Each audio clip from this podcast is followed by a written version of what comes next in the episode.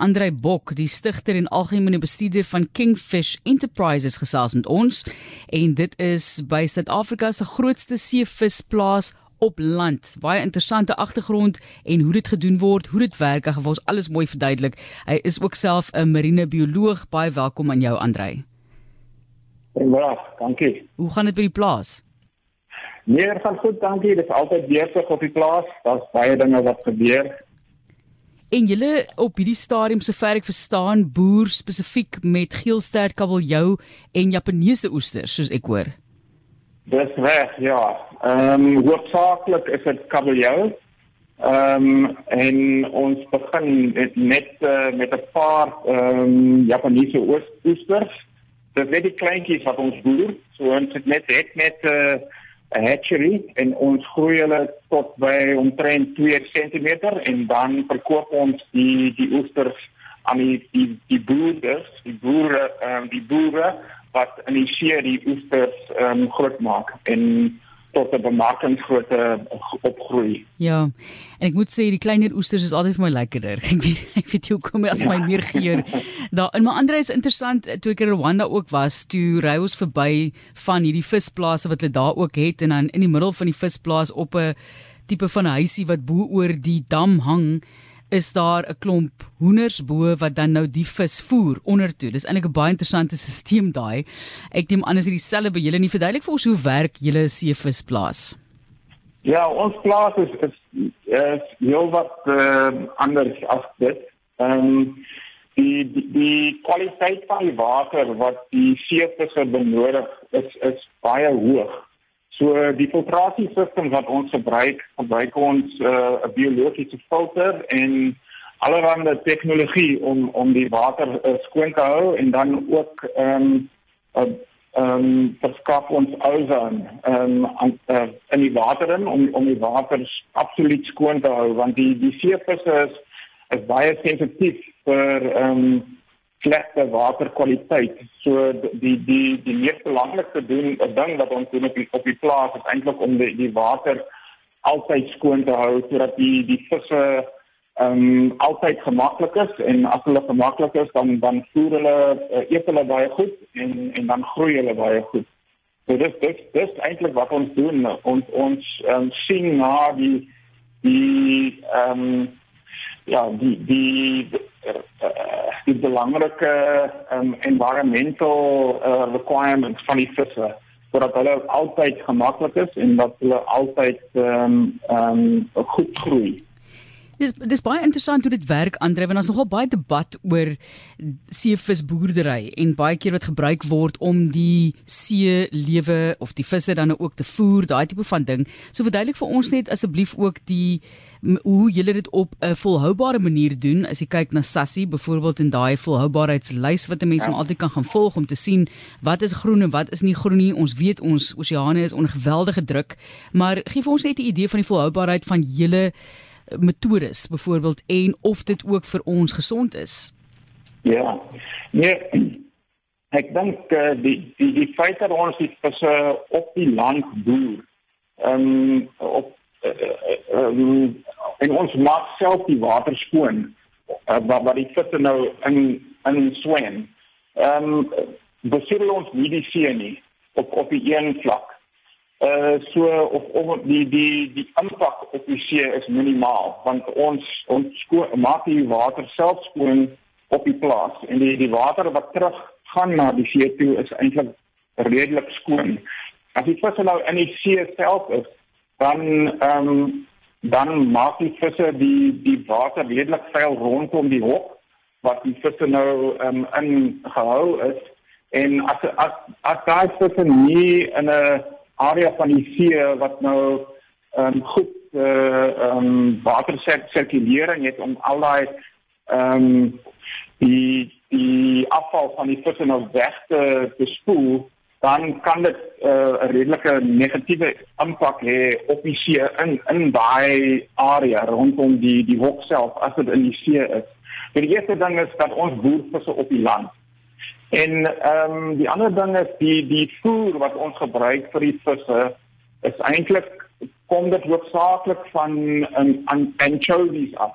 En anchovies is 'n is 'n 'n vissery wat een van die van die ehm um, uh van die visserye in Suid-Afrika wat nog groen by sessie ehm um, ehm um, ehm um, gerank is uh, of uh, ja, hy is nog 'n groen vissery en ons gebruik van die die anchovies um, ons maal dit op en ons gebruik die vismeel en die visolie en ons meng dit met uh, soja om um, 'n volhoubare kos te maak en dit aan die aan die visse te voer. So ehm um, eintlik op 'n as 'n as 'n vis nou 'n wilde vis, 'n wilde kabeljou nou in die see rond swem, eet hy omtrent 10 kg van ander visse in die see sure. om 1 kg van sy eie ehm um, uh lyf uh, ge, uh, gewig op te sit.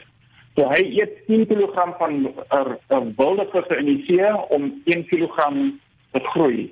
Maar ehm um, omdat ons uh, daai die die die kos meng met uh, soja en ander vitamiene en die visse wat nou um, op die plaas is hoef nie weg te swem nie. Hulle hulle swem nie, hulle migreer nie. Hulle hulle hoef nie van ehm um, uh ander visse af weg te swem nie of of of, of lang tye nie te eet nie. Dan ehm um, ons voer hulle omtrent uh, 1 kg van wilde visse om vir hulle uh, om vir hulle 1 kg van gewig op te sit. So dit is 'n baie meer ehm um, uh, ja, volhoubare metode om eintlik die die die die visse groot te maak want ons gebruik die die rou materiale van die see af baie meer ehm um, ja, volhoubaar. Ek, ek weet nie of dit dit uh, goed gestel is reg. Goed ja. gestel. Ja, nee Andre Bok is die stigter en algemene bestuurder ook by Kingfish Enterprises en Andre ek het vroeër genoem nou al 'n paar keer dat dit die grootste seevisplaas of seekos liewer plaas is in Suid-Afrika. Hoe groot praat ons nou regtig hier?